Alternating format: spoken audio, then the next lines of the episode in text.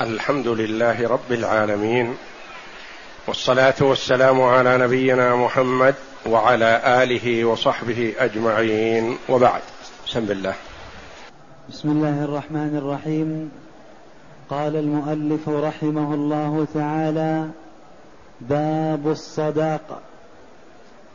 الحديث العاشر بعد الثلاثمائة عن أنس بن مالك رضي الله عنه أن النبي صلى الله عليه وسلم أعتق صفية وجعل عتاقها صداقها. وجعل. وجعل عتقها صداقها. هذا الحديث عن أنس بن مالك رضي الله عنه أن النبي صلى الله عليه وسلم أعتق صفية بنت حيي بن أخطب رضي الله عنها أم المؤمنين. وجعل عتقها صداقها. هذا الحديث أورده المؤلف رحمه الله تعالى تحت باب الصداق للاستدلال به على أن الصداق قد يكون عينا وقد يكون منفعة يعني شيء لا ليس بعين دراهم ولا متاع. وقصة صفية رضي الله عنها مشهورة هي من سبي خيبر. النبي صلى الله عليه وسلم بعد صلح الحديبية رجع إلى المدينة وأقام فيها أياما قرابة عشرين يوما ثم توجه صلى الله عليه وسلم إلى خيبر. بوعد الله جل وعلا له بالفتح العظيم بعد صلح الحديبية فتوجه إلى خيبر فأغار عليهم عليه الصلاة والسلام في الصباح بعد الفجر وقبل طلوع الشمس. لما خرج عمالهم ورعاتهم معهم المساحي والمكاتل للعمل والحرث إذا محمد صلى الله عليه وسلم لهم. فعادوا مسرعين وقالوا محمد والخمس. محمد والخمس. الخمس المراد به الجيش. وهذا اسم له في الجاهلية يسمى بهذا الاسم. قيل المراد لأنه يخمس تخمس الغنيمة وليس كذلك لأنه ليس هناك تخميس غنيمة في الجاهلية. وهذا الاسم موجود في الجاهلية يعني محمد والجيش. ولكن والله أعلم قالوا لأنه الجيش نفسه يكون خمسة أقسام. مقدمة ومؤخرة ويمين وشمال ووسط. يعني خمس فرق على كل فرقة آه، قائد أو رئيس أو حامل راية أو لواء. فعادوا فحاصرهم النبي صلى الله عليه وسلم وفتحت عنوة يعني بالقوة. والبلاد إذا فتحت عنوة أصبح نساؤها وأطفالها ارقا بيد الغانم بيد رسول الله صلى الله عليه وسلم. فحيزت الغنائم الكثيرة من خيبر وهي التي بشر بها الله تبارك وتعالى رسوله صلى الله عليه وسلم والمسلمين. فكانت فتحا عظيما وغنائم كثيرة. غنموا من خيبر غنائم كثيرة لأنها بلد اليهود وعندهم التجارة والحرث والمتاع والخيل والإبل والغنائم العظيمة. غنمها رسول الله صلى الله عليه وسلم وقسمها بين المسلمين. ورد أن دحية بن خليفة الكلبي جاء إلى النبي صلى الله عليه وسلم وقال أعطني واحدة من السبي. فقال له النبي صلى الله عليه وسلم اذهب إليهن وخذ واحدة. وكانت مجموعة في مكان ما. فذهب فاختار صفية. وقع اختياره على صفية بنت حيي بن أخطب. فأتى آت إلى النبي صلى الله عليه وسلم فقال يا رسول الله إن دحية أخذ أمة لا تصلح إلا لك. فلو أخذتها منه. فدعاه النبي صلى الله عليه وسلم أرسل إليه هو وصفية وهي معه. فلما رآها صلى الله عليه وسلم وعرف حالها ومنزلتها في قومها أخذها عليه الصلاة والسلام وأعطى دحية الكلب غيرها. أعطاه عددا كما في بعض الروايات نياب عنها تطيبا لخاطره وليسمح بأخذ النبي صلى الله عليه وسلم صفية. فأخذها رسول الله صلى الله عليه وسلم وهي بنت حيي بن أخطب. كبير اليهود لا أكبر منه ولا أعظم منه في اليهود. فقال الصحابة رضي الله عنهم إن حجبها النبي صلى الله عليه وسلم فقد نواها من أمهات المؤمنين وإن لم يحجبها فهي أمة من الإماء يستمتع بها كما يستمتع الرجل بأمته. فحجبها النبي صلى الله عليه وسلم فعرفوا أنه اصطفاها لنفسه وأنه جعلها من أمهات المؤمنين وهو عليه الصلاة والسلام الرؤوف الرحيم بالأمة. والعدل الذي لا أحد يعدل مثل عدله عليه الصلاة والسلام. فقال العلماء رحمة الله عليهم في كون النبي صلى الله عليه وسلم أخذ صفية من دحية بعدما كانت له لأمور متعددة. من ذلك اولا العدل بين المسلمين. لأنه مهما أعطي بعض الأفراد من المسلمين من العطاء ما عادل صفية لأن صفية بنت ملك.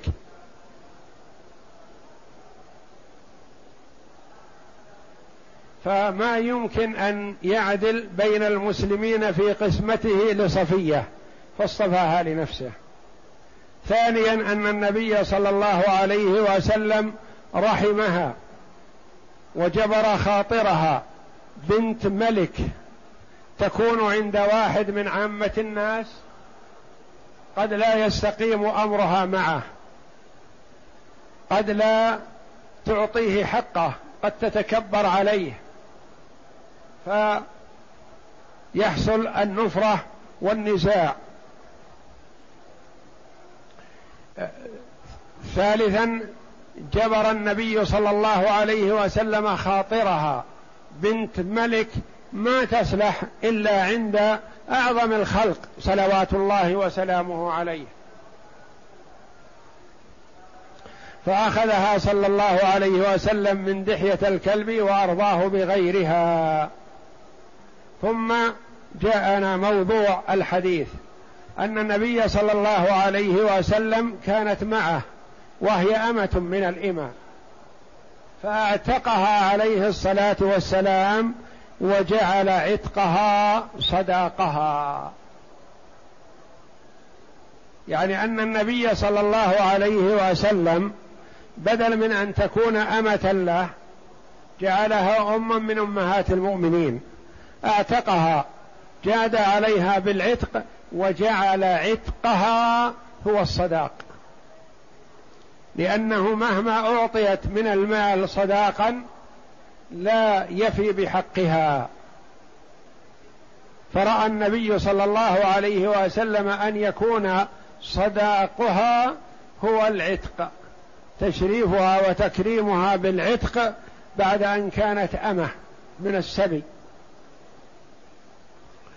وورد أنها رضي الله عنها لما دخل عليها زوجها كنانة آه، كنانة ابن عامر بن أبي الحقيق هو زوجها. لما دخل عليها ليلة عرسها قالت كأني رأيت رؤيا كأن قمرا سقط في حجري. فصكها وضربها حتى ظهر أثر الشجة في جبينها. قال كأنك تريدين ملك العرب. يعني ما عندك قناعة بي تريدين ملك العرب وهو من أبناء عمومتها فهو من ملوك ومن زعماء اليهود.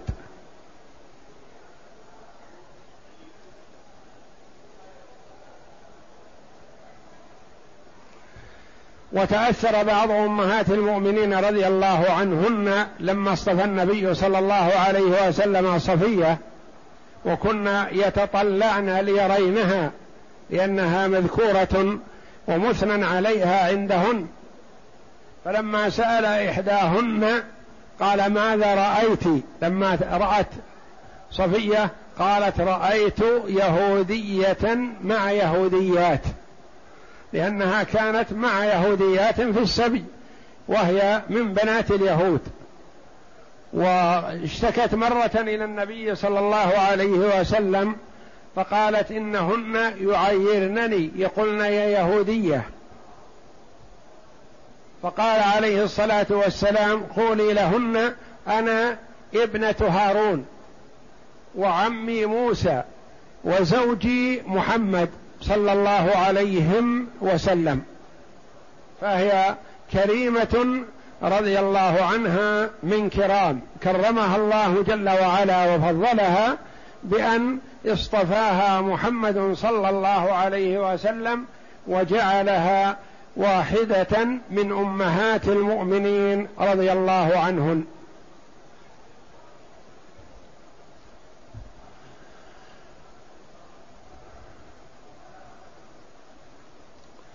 قوله أعتق صفية وجعل عتقها صداقها.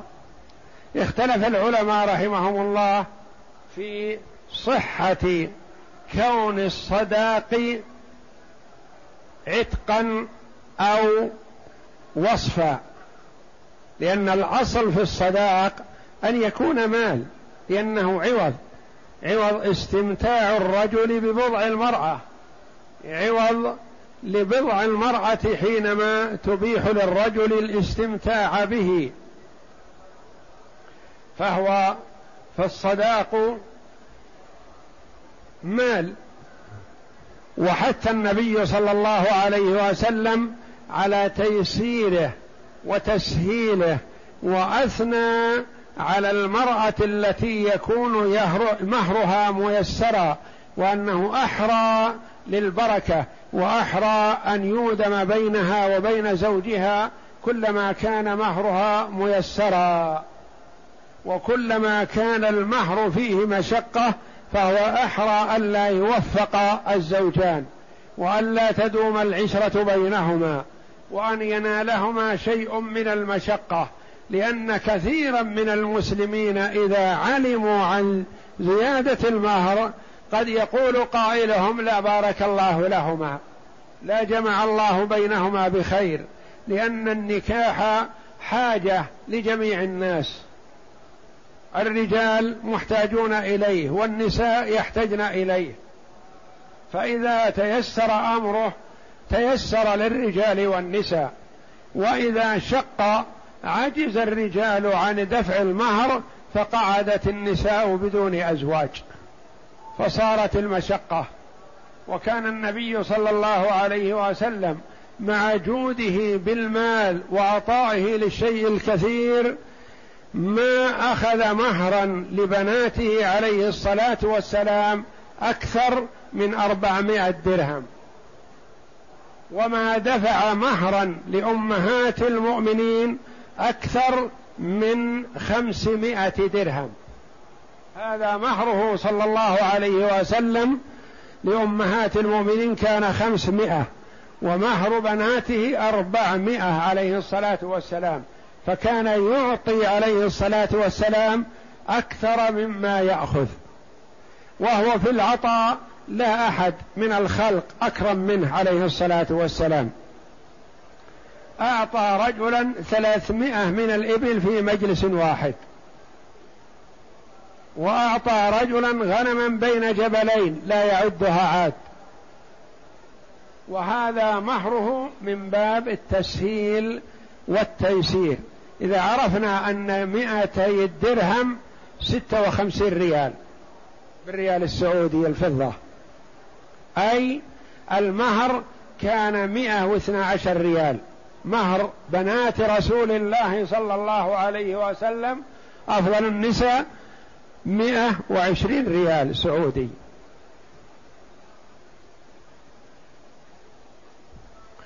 فكلما كان الصداق ميسرا مسهلا فهو أحرى أن يؤدم بين الزوجين. الإمام أحمد رحمه الله وجمع من العلماء رحمهم الله أخذوا بهذا الحديث. والإمام أحمد رحمه الله من صفته أنه وقاف عند حديث رسول الله صلى الله عليه وسلم. إذا صح عنده الحديث لا يتجاوزه ولا يتأوله ولا يصرفه عن ظاهره رحمه الله. فأخذ بهذا الحديث أن الرجل إذا كان له أمة فاعتقها فجعل عتقها صداقها فذلك خير ويصح. ويكون عتقا ويكون صداقا وتنقلب من كونها أمة إلى أن تكون زوجة. لها ما للزوجات وعليها ما عليهن. والنبي صلى الله عليه وسلم في هذا الحديث كما قال أنس وكما روي عنها هي رضي الله عنها تقول أعتقني رسول الله صلى الله عليه وسلم وجعل عتقي صداقي جعل عتقها هو صداقها بدل ما يصدقها أربعمائة أو خمسمائة درهم أصدقها العتق يعني جعلها حرة. بعض العلماء رحمهم الله قالوا هذا متأول هذا من خصائص عليه الصلاة والسلام. أعتقها أولا ثم صار عليها في ذم عليها في ذمتها له قيمتها مقابل العتق. وعليه لها صداقها خمسمائة درهم. فتحاصى. عليها هي القيمة. وعليه هو الصداق. فتقابلا فتحاصا فكانا متقابلين. وهذا من التأويلات. وظاهر الحديث صريح فيما رواه أنس رضي الله عنه الذي هو من أعلم الناس بأعمال رسول الله صلى الله عليه وسلم لأنه خدمه رضي الله عنه خدمه عشر سنين. من حين قدم المدينة وهو شاب صغير ابن عشر سنوات إلى أن لحق صلى الله عليه وسلم بربه وعنده أنس بن مالك رضي الله عنه يخدمه.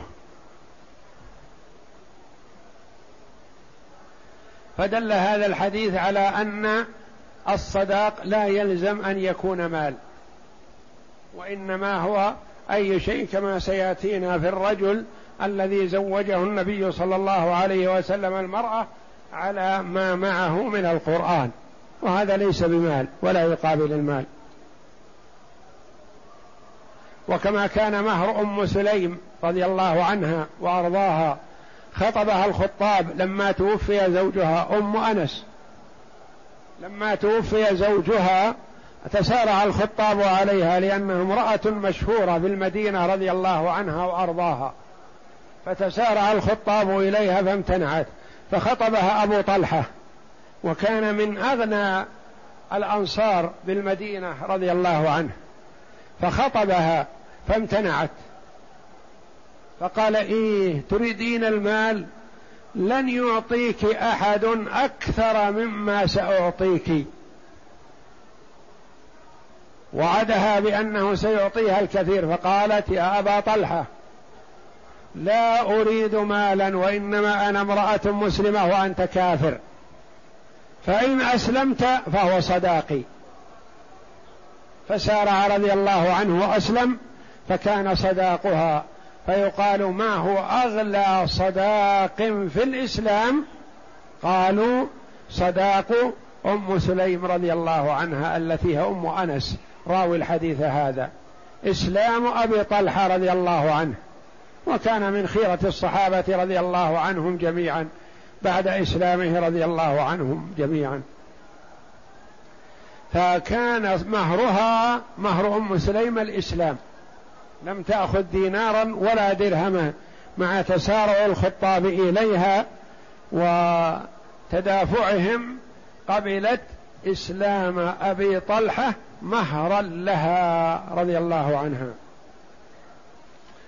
فدلت هذه الأحاديث على أنه لا يلزم أن يكون المهر مالا وإنما إذا كان منفعة من المنافع جاز ذلك.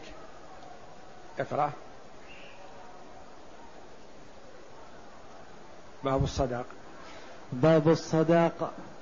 هو العوض الذي من هو العوض الذي في النكاح أو بعده للمرأة بمقابل استباحة الزوج بضعها وله عدة أسماء وفيه عدة لغات. وله عدة أسماء صداق ونحلة ومهر وأسماء كثيرة وهو ما يدفعه الزوج لزوجته عند العقد أو يفرض قبل هذا أو بعده. نعم. وهو مشروع في الكتاب والسنة والإجماع والقياس. مشروع في الكتاب يعني في القرآن. ورد ذكر المهر في القرآن كما سيأتي. وورد في سنة رسول الله صلى الله عليه وسلم. وورد في إجماع السلف الصالح رحمة الله عليهم. والقياس يقتضيه لأن الرجل يستمتع من المرأة. لابد من مقابل لهذا هذا القياس يعني لابد من مقابل لهذا الاستمتاع. يعطيها مقابل لشيء مقابله شيء. نعم. فأما الكتاب فقوله تعالى وآتوا النساء صدقاتهن نحلة. وكثير آيات كثيرة في ذكر الصداق نعم. وغيرها من الآيات. وأما من السنة ففعله وفعله صلى الله عليه وسلم في كونه يدفع الصداق لأمهات المؤمنين عليه الصلاة والسلام ورضي الله عنهن. ولأخذه صلى الله عليه وسلم الصداق لبناته رضي الله عنهن. فليس في هذا مذمة بل هو شيء متعارف عليه. نعم. وتقريره تقريره على فعل الصحابة رضي الله عنهم. لما سأل عبد الرحمن بن عوف رضي الله عنه قال ما أصدقتها؟ قال وزن نواة من ذهب. نعم. وأمره أمره للرجل الذي قال له التمس ولو خاتما من حديد. أصدق المرأة. لما خطب المرأة من الرسول قال له الرسول ماذا تعطيها؟ قال إزاري. ما عنده غير إزار حتى ما عليه رداء. قال إذا أعطيتها إزارك ماذا يبقى عليك؟ وإن اتزرت به ماذا تستفيد؟ هي من إزارك. التمس فذهب فلم يجد شيئا. فقال له النبي صلى الله عليه وسلم التمس ولو خاتما من حديد. فذهب والتمس ولم يجد ولا خاتم من حديد. دل هذا على حال الصحابة رضي الله عنهم في أول الأمر وفقرهم. فسأله النبي صلى الله عليه وسلم عما معه من القرآن فقال زوجتكها بما معك من القرآن. نعم. كقوله التمس ولو خاتما من حديد وأجمع العلماء على مشروعيته لتكاثر النصوص فيه. لأنه شيء مشروع وليس فيه مذمة. ولا يقال إنه بيع للبضع أو نحو ذلك. نعم.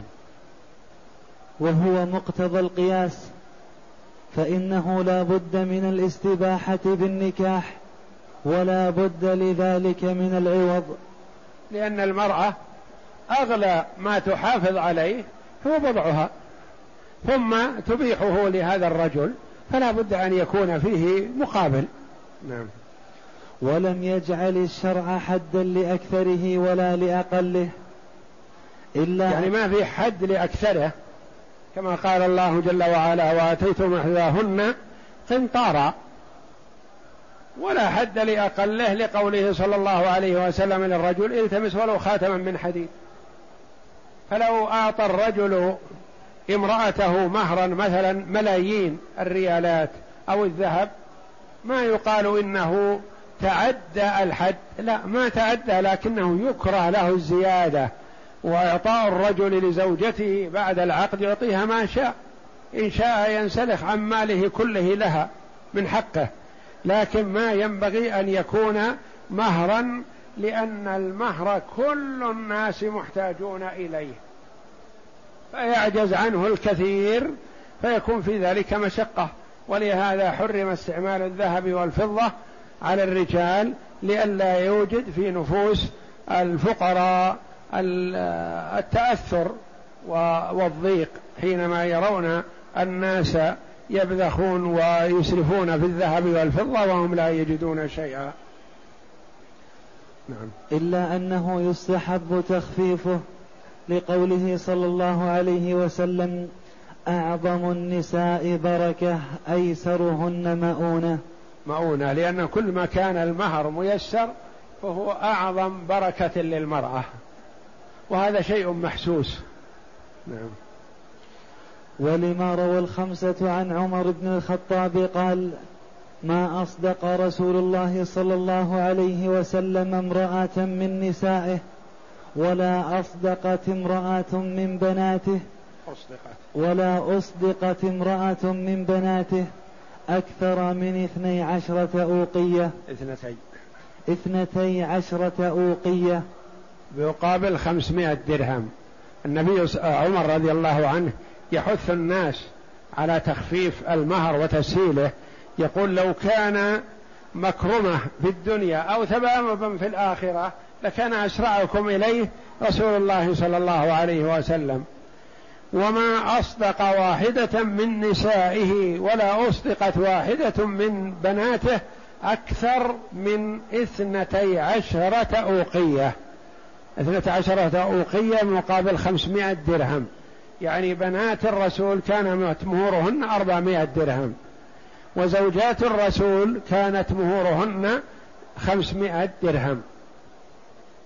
إلا ما كان من أم حبيبة رضي الله عنها حيث دفع مهرها النجاشي عن النبي صلى الله عليه وسلم وأكثر لأن أم حبيبة كانت في الحبشة حينما توفي زوجها بعدما تنصر وبقيت رضي الله عنها وحيدة لا ولي لها فأراد عليه الصلاة والسلام أن يجبر خاطرها. أهلها في مكة ألدوا أعدائها وزوجها تنصر ومات في الحبشة وبقيت غريبة في الحبشة لا أهل ولا قريب. فأرسل النبي صلى الله عليه وسلم للنجاشي يخطبها منه. فبشرتها بذلك إحدى إماء النجاشي فخلعت رضي الله عنها قميصها وأعطته إياه هدية.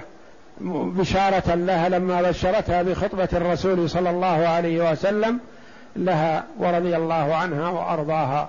ثم أصدقها النجاشي رحمه الله وبعثها إلى النبي صلى الله عليه وسلم. نعم. والصالح العام يقتضي تخفيفه فإن في ذلك مصلحة. الصالح العام يقتضي تخفيفه لأن الناس كلهم في حاجة إليه وليس كلهم يجد المال أو يجد المهر الكثير فتسهيله كلما أمكن فهو أحسن. والرجل العاقل إذا أراد أن يكرم زوجته يعطيها المهر مثل ما يعطي الناس. فإذا أخذها لداره إن شاء أعطاها ما شاء من ماله. هذا أفضل بأن لا يكون مهرا. مثلا يعطيها مهر من أول الأمر مهر كثير هذا ما يستحسن.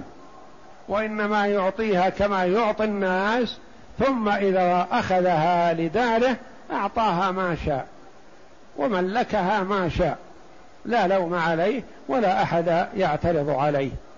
نعم. فإن في ذلك مصلحة كبيرة للزوجين وللمجتمع.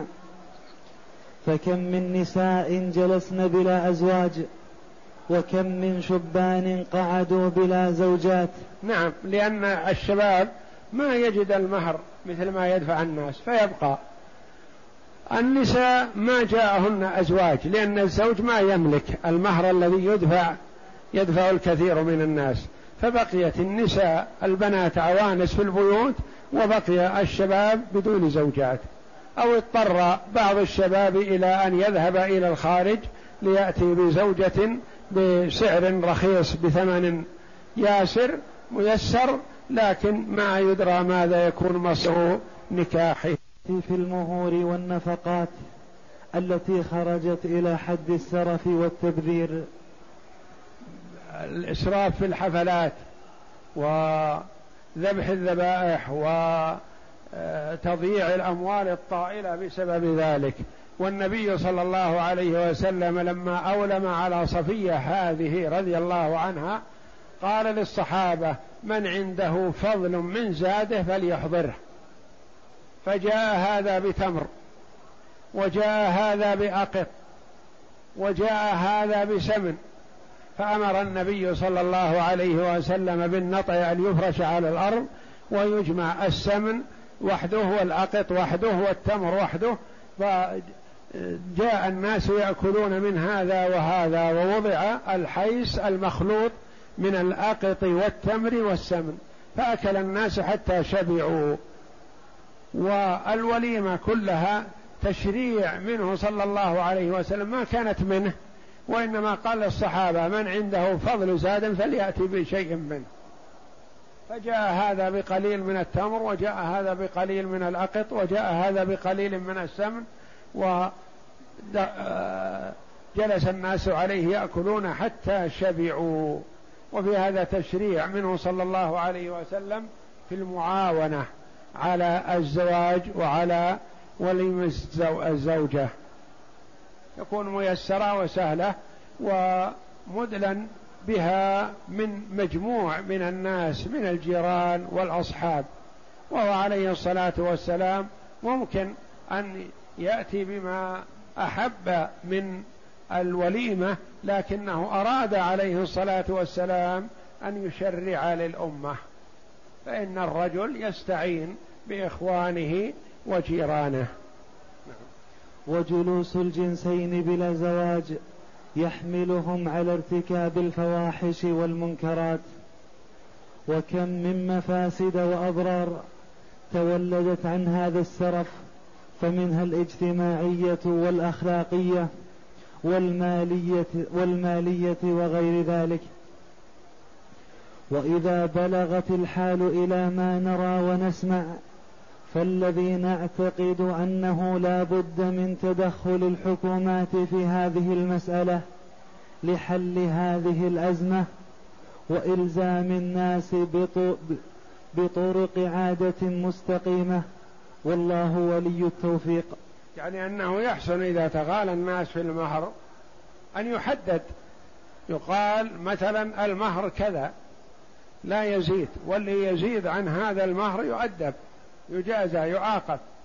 وتكون حفلة الزواج بهذا القدر مثلا واللي يزيد عن هذا يؤخذ على يده ويمنع. وهكذا لأن الناس إذا تقيدوا بالتعاليم الصالحة الحسنة حسن. وإذا لم يتقيدوا فيحسن إلزامهم بذلك. نعم. المعنى الإجمالي كانت صفية بنت حيي أحد زعماء بني النضير وكانت زوجة كنانة بن أبي الحقيق فقتل عنها يوم خيبر.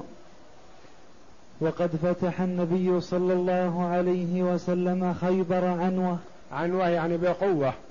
ما يصلح لأن خيبر حصون متعددة. منها ما فتح عنوة ومنها ما فتح صلحا. لما رأى الآخرون انتصار رسول الله صلى الله عليه وسلم عنوة عليهم أذعنوا وأرسلوا إليه يطلبون المصالحة فصالحهم صلى الله عليه وسلم. وكذلك فعل أهل فدك حول خيبر. أرسلوا إلى النبي صلى الله عليه وسلم ورغبوا في الصلح مثل ما رغب بعض حصون خيبر. لأن الله جل وعلا أظهر رسوله وقواه والمؤمنين فخاف اليهود منهم خوفا شديدا.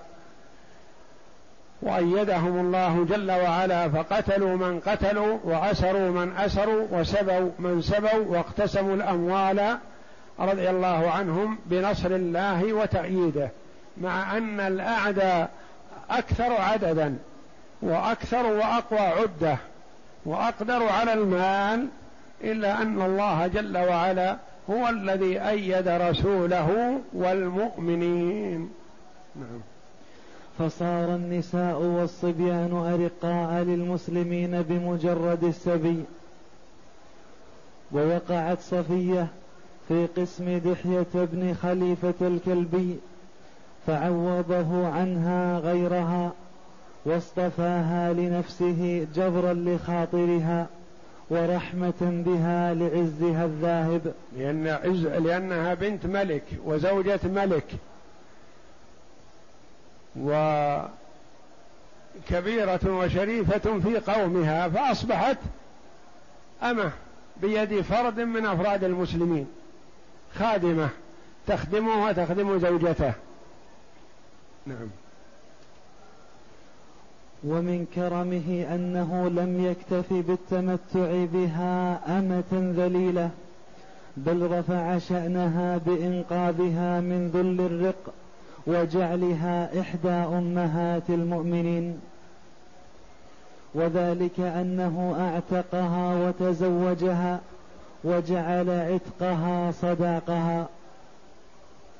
ما يؤخذ من الحديث أولا جواز عتق الرجل أمته وجعل عتقها صداقا لها وتكون زوجة. لأنه من المعلوم أن الأمة ليس لها قسم يستمتع منها الرجل متى شاء ولا قسم لها فإذا كانت زوجة فلها القسم والإماء لا عد لهن ولا حد يعني يكون عند الرجل أمة واحدة أو خمسة أو عشر أو عشرين وأما الزوجة فيقتصر على أربع فما دون. ثانيا أنه لا يشترط لذلك إذنها ولا شهود. لأنها في ملك يمينه. ولا ولي. ولا ولي لأنها ملكه. نعم. كما لا يشترط التقيد بلفظ الإنكاح ولا التزويج. لأن التزويج لازم يشترط فيه عند العقد أن يقال زوجتك أو أنكحتك بأحد هذين اللفظين. نعم. ثالثا فيه دليل على جواز كون الصداق منفعة دينية أو دنيوية. منفعة ديني دينية أو دنيوية. يعني يجوز أن يكون منفعة دنيوية. يقول مثلا أزوجك بنتي وتكون كاتبا عندي لمدة خمس سنوات أو عشر سنوات. هذه منفعة. أو يقول أزوجك مثلا وأعلمك كذا أو تعلمني كذا أو تعلم أولادي كذا وهكذا. نعم. أو دينية كان يقول أزوجك بنتي على أن تعلمها سورة البقرة أو على أن تعلمها القرآن أو على أن تعلمها كتب الفقه. ونحو ذلك. نعم.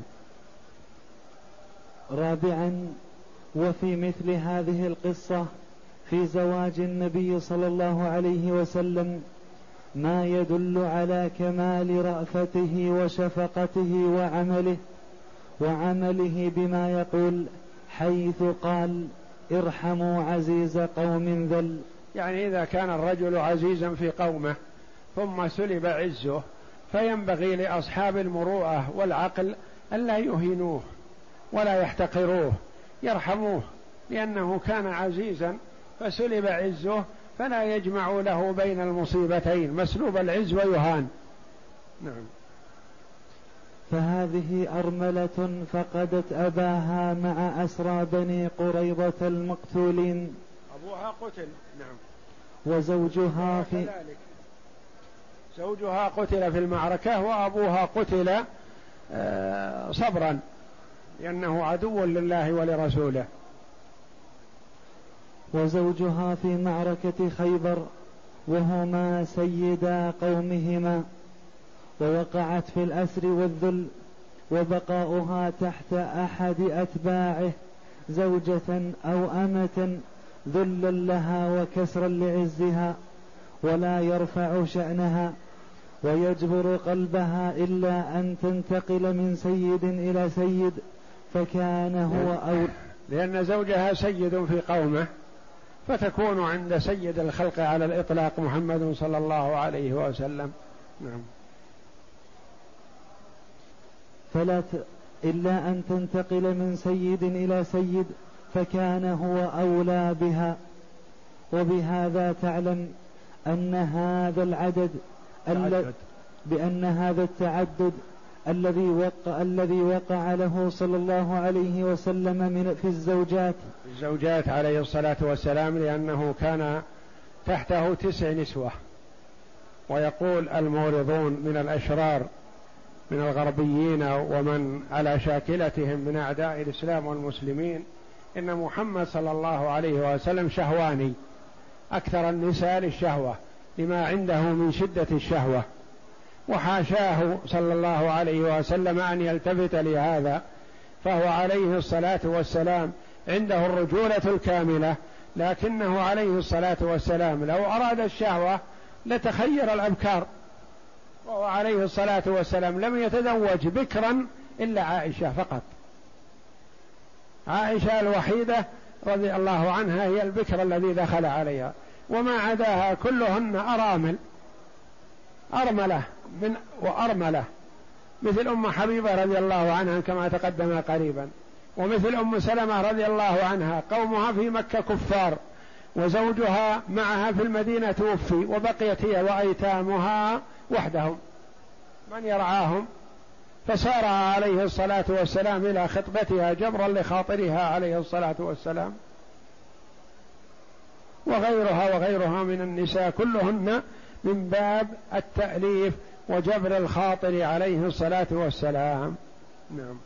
وبهذا تعلم أن هذا التعدد الذي وقع له صلى الله عليه وسلم في الزوجات ليس إرضاء لرغبة جنسية كما يقول أعداء هذا الدين والكائدون له.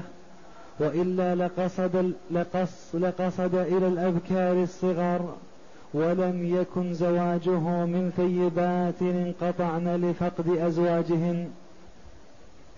ولو استعرضنا قصة زواجه بهن واحدة واحدة لوجدناها لا تخرج عن هذه المقاصد الرحيمة النبيلة. التي هي جبر الخاطر عليه الصلاة والسلام. نعم. فحاشاه وما أبعده عما يقول المعتدون الظالمون. وقد صنف في هذا الموضوع وقد صنف في هذا الموضوع عدد من الكتاب المحدثين مثل عباس محمود العقاد وبنت الشاطئ. ذكروا الأهداف السامية والنبيلة في زواجه صلى الله عليه وسلم بأمهات المؤمنين. نعم اختلاف العلماء اختلف العلماء في جواز جعل الصداق صدا جعل العتق صداقا. فذهب الإمام أحمد وإسحاق وجمع من المحدثين ومن التابعين سعيد بن المسيب وغيرهم. رحمة الله عليهم نعم. فذهب الإمام أحمد وإسحاق إلى جوازه عملا بقصة زواج صفية وبأنه القياس الصحيح لأن السيد مالكا لرقبة أمته ومنفعتها ومنفعة وطئها. فإذا اعتقها واستبقى شيئا من منافعها التي هي تحت تصرفاته فما المانع من ذلك وما هو المحذور؟ وذهب الأئمة الثلاثة إلى عدم أبو حنيفة ومالك والشافعي رحمة الله عليهم. إلى عدم جواز ذلك وتأولوا الحديث بما يخالف ظاهره أو حملوه على الخصوص على الخصوصية للنبي صلى الله يعني عليه وسلم. ما يخالف ظاهره من المعاوضة. قالوا هي في ذمتها له القيمة وهو في ذمته لها المهر. فتحاصا فكان هذا مقابل هذا. نعم. أو الخصوصية أن هذا خاص برسول الله صلى الله عليه وسلم. نعم. وحمل الحديث على خلاف ظاهره أو جعله خاصا يحتاج إلى بيان ودليل لأن الأصل بقاء الحديث على الظاهر كم أن الأصل في الأحكام العموم ولو كان خاصا لنقل. حيث بدل كم؟ حيث أن الأصل حيث أن الأصل في الأحكام العموم. هذه غلطة مطبعية فيما يظهر. كم أن الأصل؟ هذه ما لها قيمة. كم؟ حيث أن الأصل في الأحكام العموم. لا الخصوصية إلا ما ثبتت خصوصيته فيه صلى الله عليه وسلم. والله أعلم وصلى الله وسلم وبارك على عبده. ورسول نبينا محمد وعلى آله وصحبه أجمعين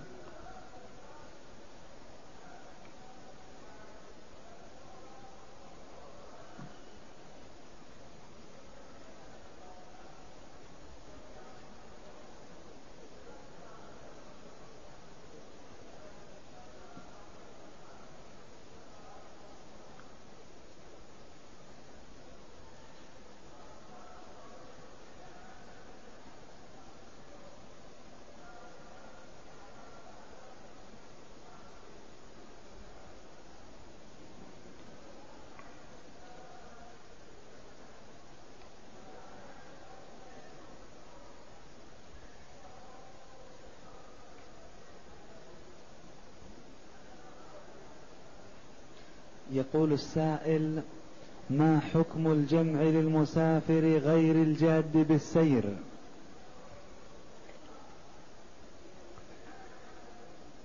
الأولى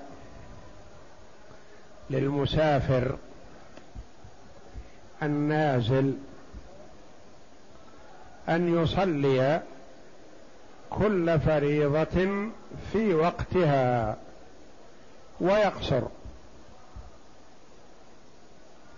فإن جمع وقصر فجمعه صحيح إن شاء الله. فالنبي صلى الله عليه وسلم كان غالب جمعه إذا جد به السير. وكان عليه الصلاة والسلام كما ورد في الحديث إذا ارتحل بعد الزوال صلى الظهر وقدم معها العصر ثم ارتحل. وإذا ارتحل قبل الزوال أخر الظهر ونزل لها مع العصر في وقت العصر. فكان عليه الصلاة والسلام يعمل الأرفق به وبمن معه. فإذا ارتحل مثلا أراد أن يرتحل بعد الظهر أو بعد المغرب. قدم العصر مع الظهر وصلاهما في وقت الظهر. وقدم العشاء مع المغرب وصلاهما في وقت المغرب. وإذا ارتحل بعد قبل الزوال ما يمكن أن يصلي الظهر. فيؤخر الظهر حتى ينزل لها مع العصر في وقت العصر. وإذا ارتحل قبل غروب الشمس أخر المغرب حتى ينزل لها مع العشاء فيصليهما في وقت العشاء جمع تأخير عليه الصلاة والسلام. وإذا كان نازلا في المكان وسيمر عليه الوقتان ما كان يجمع عليه الصلاة والسلام. مثل إقامته في منى. كان يصلي الظهر في وقت الظهر ركعتين ويصلي العصر في وقت العصر ركعتين ما كان يجمع. ويصلي المغرب في وقت المغرب ويصلي العشاء ركعتين في وقت العشاء. فالأفضل للمسافر إذا كان سائرا أن يعمل الأرفق به من جمع تقديم أو تأخير. وإذا كان نازلا في مكان ما في محطة أو استراحة أو في مكان ما وسيمر عليه وقت الظهر وهو نازل وقت العصر وهو نازل فالأفضل أن يصلي الظهر في وقت الظهر ويصلي العصر في وقت العصر وهكذا.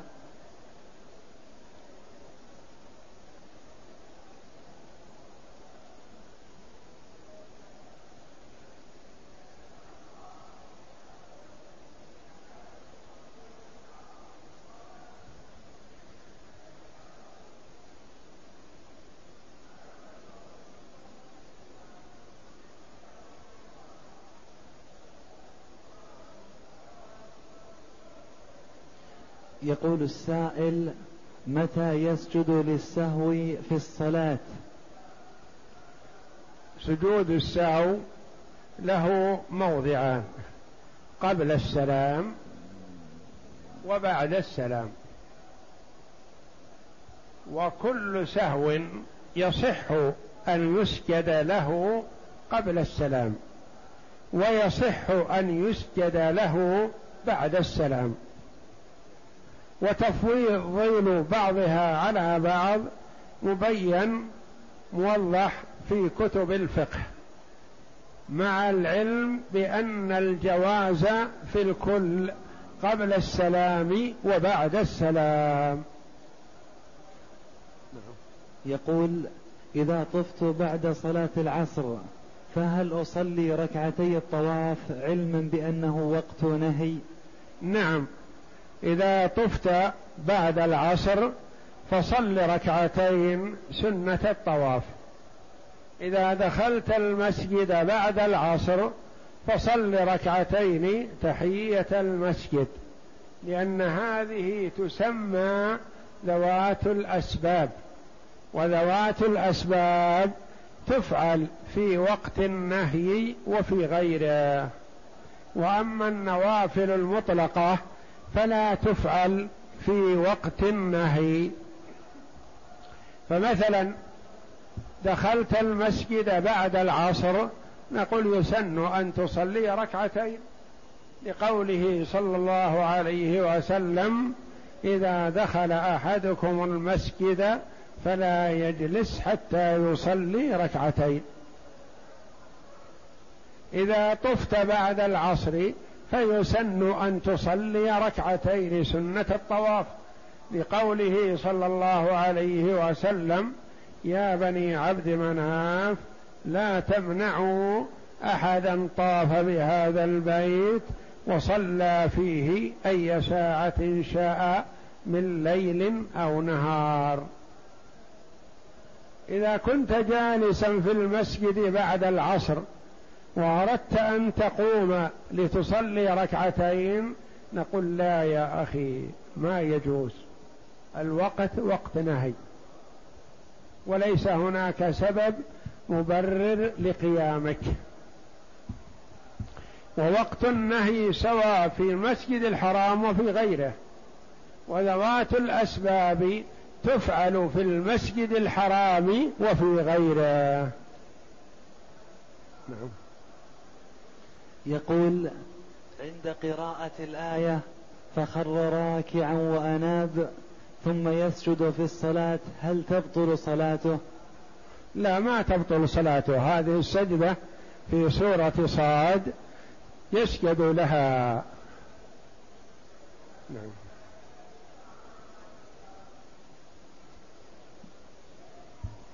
يقول السائل هل يجوز تغيير الشيب بغير الحناء إذا تجنب السواد؟ وهل يجوز بالأصباغ غير الصبغ بالسواد؟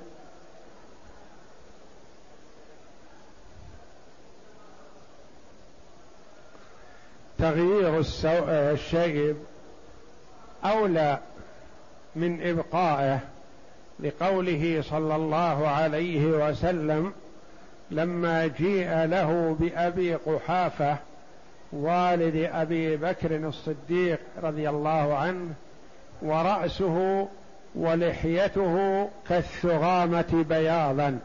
قال عليه الصلاة والسلام غيروا هذا وجنبوه السواد.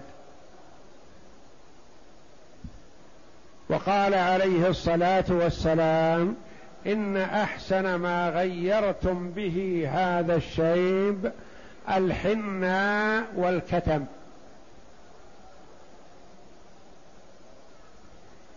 ومر عليه الصلاة والسلام عليه رجل وقد خير بالحناء فقال ما أحسن هذا؟ ومر آخر غير بالحنى والكتم. فقال هذا أحسن من ذاك. ومر ثالث قد غير بالزعفران فقال هذا أحسن منهما. فيستحب تغيير الشيب لكن يجتنب السواد.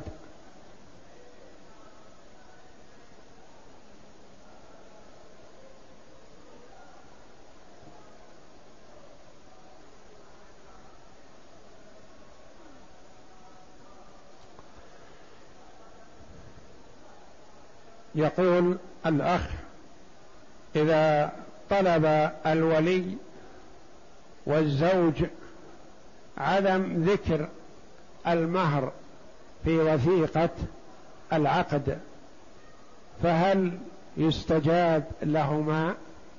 لا بأس. يقول حينما يرغب أن يكتب حسب المتفق عليه بين الطرفين لا بأس. ما دام شيء معلوم ولا يتحرى نزاع يحصل بينهما فيقال حسب ما تراضيا عليه أو حسب ما دفع الزوج لزوجته.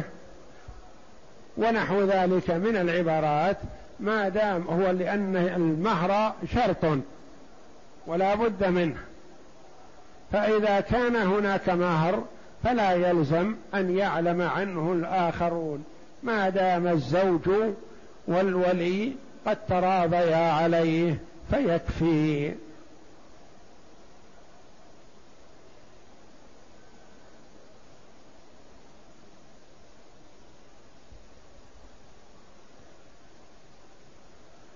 يقول خمسمائة درهم كم يساوي بالريال السعودي بالفضة؟ تساوي لأن مئة الدرهم ستة وخمسين ريال والمئة الأخرى ستة وخمسين ريال مئة واثنى عشر ريال أربعمائة درهم. ومئة الدرهم ثمانية وعشرين ريال المئة ثمانية وعشرين ريال. فمع المجموعة تكون خمسمائة درهم. وأما أربعمائة دينار فلا كم تساوي أربعمائة دينار؟ أربعمائة دينار يساوي المثقال من الذهب وهو بمقدار أربعة جرام ونصف تقريبا. الدينار